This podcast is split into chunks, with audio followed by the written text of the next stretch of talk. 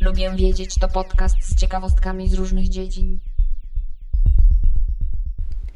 Cześć, ja jestem Monika, a Ty słuchasz podcastu Lubię Wiedzieć. Dzisiaj poopowiadam Wam o temacie dotyczącym zimy, który mnie ostatnio zainteresował. Chociaż tej zimy tak naprawdę niewiele jest, przynajmniej w Polsce środkowej, w której ja żyję, ale właśnie ostatnio zaciekawiła mnie pewna sprawa, ponieważ szłam sobie w okolicach mojego bloku i zobaczyłam, że chodniki tuż przed blokiem posypane są solą. I tak sobie pomyślałam, nie ma śniegu, nie ma lodu, to po co ta sól na chodnikach w ogóle? I poczytałam trochę więcej w ogóle o tym, dlaczego się sypie sól na chodniki, dlaczego się sypie piasek, jakie są alternatywy takich rozwiązań w innych krajach. No i tak właśnie powstał dzisiejszy odcinek. Jeśli ten temat Was interesuje, to zapraszam do słuchania dalej. W Polsce z reguły na oblodzone lub ośnieżone chodniki sypie się sól.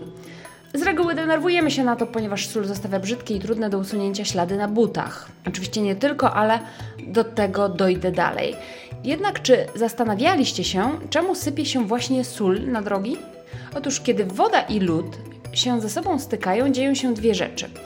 Cząsteczki na powierzchni lodu uciekają do wody, w ten sposób topnieją, a cząsteczki wody są uwięzione na powierzchni lodu, czyli pojawia się zamrażanie. I w tym samym momencie dzieją się dwie rzeczy, czyli topnienie, zamrażanie, topnienie, zamrażanie.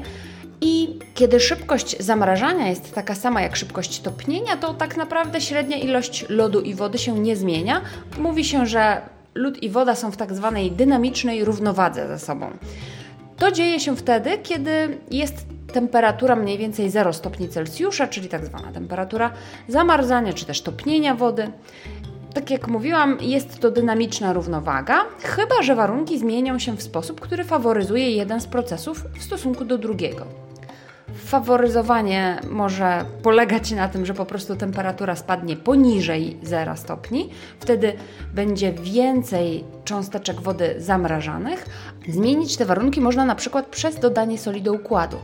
Tak w skrócie, wtedy po prostu w tej mieszance lodu z roztworem soli część molekuł wody jest zastąpiona przez jony Na albo Cl i w ten sposób one tak łatwo się już nie zamrażają. Czyli obniżamy po prostu temperaturę zamarzania wody. Sól więc sypie się na chodniki jeszcze nieoblodzone, aby w razie opadu śniegu lub w razie warunków sprzyjających oblodzeniu dróg zmniejszyć temperaturę zamarzania, żeby nie tworzyła się tak łatwo warstwa lodu, tylko raczej warstewka błota.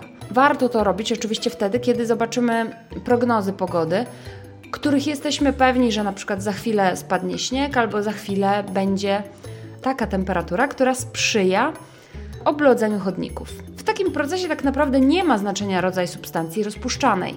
Dlatego analogicznie temperatura zamarzania roztworu będzie mniejsza, kiedy chodniki posypiemy innymi substancjami rozpuszczalnymi w wodzie, np. cukrem, alkoholem, chlorkiem magnezu. Sól sypie się, ponieważ jest relatywnie tania i jest to specjalna sól drogowa o zawartości chlorku sodu powyżej 90%, a ponadto często sypie się na chodniki mieszaninę soli i piasku. W ten sposób zmniejsza się też ilość soli, czyli troszeczkę się jeszcze potania tę mieszanka, a dodatkowo piasek tworzy taką warstwę, która zwiększa tarcie, co sprawia, że po prostu obuwie nie ślizga się tak łatwo na lodzie, a z kolei sól z tej mieszanki jeszcze dodatkowo topi lód.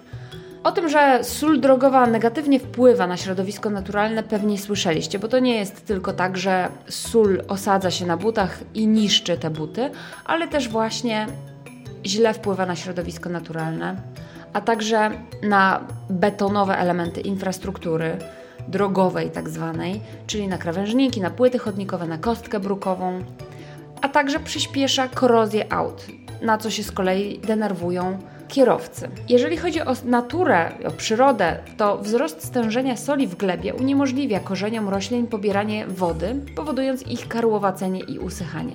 W państwach Skandynawii, ale również w niektórych miastach w Polsce, na przykład w Rudzie Śląskiej, w Katowicach, Sosnowcu, zakazuje się sypania soli na chodniki ze względu na te negatywne konsekwencje. Jako alternatywę dla chlorku sodu stosuje się chlorek wapnia, wzbogacony m.in. substancjami hamującymi korozję oraz utrzymującymi właściwą kwasowość. Chlorek wapnia jest skuteczniejszy w niskich temperaturach i mniej szkodliwy dla roślinności. Pokrewnym tematem jest też odśnieżanie ulic i chodników, na które w Polsce bardzo często narzekamy, a co zostało w Skandynawii bardzo zgrabnie zorganizowane, bo w końcu oni od zawsze tam mieli śnieżne zimy i mieli na czym przetrenować takie najlepsze rozwiązania. Otóż jeszcze ze 2-3 lata temu w Szwecji odśnieżano drogi podobnie jak to dzieje się u nas w Polsce, czyli zaczynano od autostrad, dróg szybkiego ruchu, potem odśnieżano główne drogi, szczególnie te prowadzące do ważnych pracodawców, którzy zatrudniali bardzo wielu pracowników, a dopiero następnie odśnieżano chodniki, a na samym końcu ścieżki rowerowe. Mniej więcej od dwóch lat Szwecja najpierw odśnieża chodniki i ścieżki rowerowe, szczególnie te prowadzące do przystanków autobusowych i szkół podstawowych. Następnie czyszczone są drogi lokalne, a na końcu autostrady. Czemu tak? To trochę tak przeczy logice, prawda? Bo zawsze się najbardziej denerwują no, kierowcy. The Swedish Association of Local Authorities and Regions, takie szwedzkie stowarzyszenie władz lokalnych i regionalnych, tłumaczy, że przeprowadzona analiza dotychczasowego odśnieżana wykazała, że wcześniej dyskryminowano kobiety, które przemieszczały się na pieszo, odprowadzały dzieci do szkół, a duże autostrady i drogi prowadzące do dużych firm używane były głównie przez mężczyzn. Poza tym, więcej wypadków związanych z oblodzeniem czy zaśnieżonymi drogami miało miejsce właśnie na chodnikach, gdzie ludzie po poślizgnięciu się na śliskim chodniku łamali sobie nogi, skręcali nogi, ręce itd. Tak Mniej z kolei wypadków miało miejsce na zaśnieżonych drogach. Koszty leczenia takich kontuzji wywołanych przewróceniem na oblodzonym chodniku był, były zdecydowanie wyższe niż koszty odśnieżania. A więc odwrócono tę kolejność, koszty się nie zwiększyły, no bo tak samo się odśnieża, tylko po prostu w odwróconej kolejności, natomiast obniżono koszty leczenia złamań i skręceń. W Norwegii z kolei, ale nie tylko, bo także w Kanadzie czy na Islandii, Istnieją systemy podgrzewanych chodników, które nie pozwalają zamarznąć wodzie, a śnieg się szybko roztapia. Na przykład w Reykjaviku na Islandii używana jest do tego energia pochodząca z gorących źródeł. Woda pompowana jest przez rury pod chodnikami. To takie ogrzewanie podłogowe, ale na zewnątrz, a nie w domu. Tymczasem w Oslo, w Norwegii, a także w Kanadzie używane jest ogrzewanie elektryczne.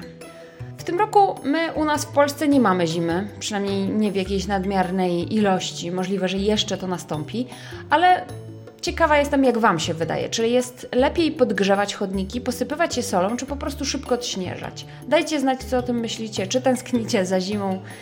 A tymczasem dziękuję za wysłuchanie kolejnego odcinka podcastu Lubię Wiedzieć. Jeśli Ty także lubisz wiedzieć, to subskrybuj mój podcast w swojej aplikacji, żeby nie przegapić kolejnego odcinka. Zajrzyj także do notatek tego odcinka, bo tam zawsze zamieszczam linki do źródeł informacji. Możesz też polubić fanpage podcastu na Facebooku lub na Instagramie. W obu miejscach szukaj hasła Lubię Wiedzieć, bo tam zamieszczam dodatkowe nowinki. Możesz także do mnie napisać na adres lubiewiedzieć@interia.pl. Zapraszam także na mój drugi podcast Fiszkowa Kartoteka, w którym mówię o książkach. Do usłyszenia, cześć!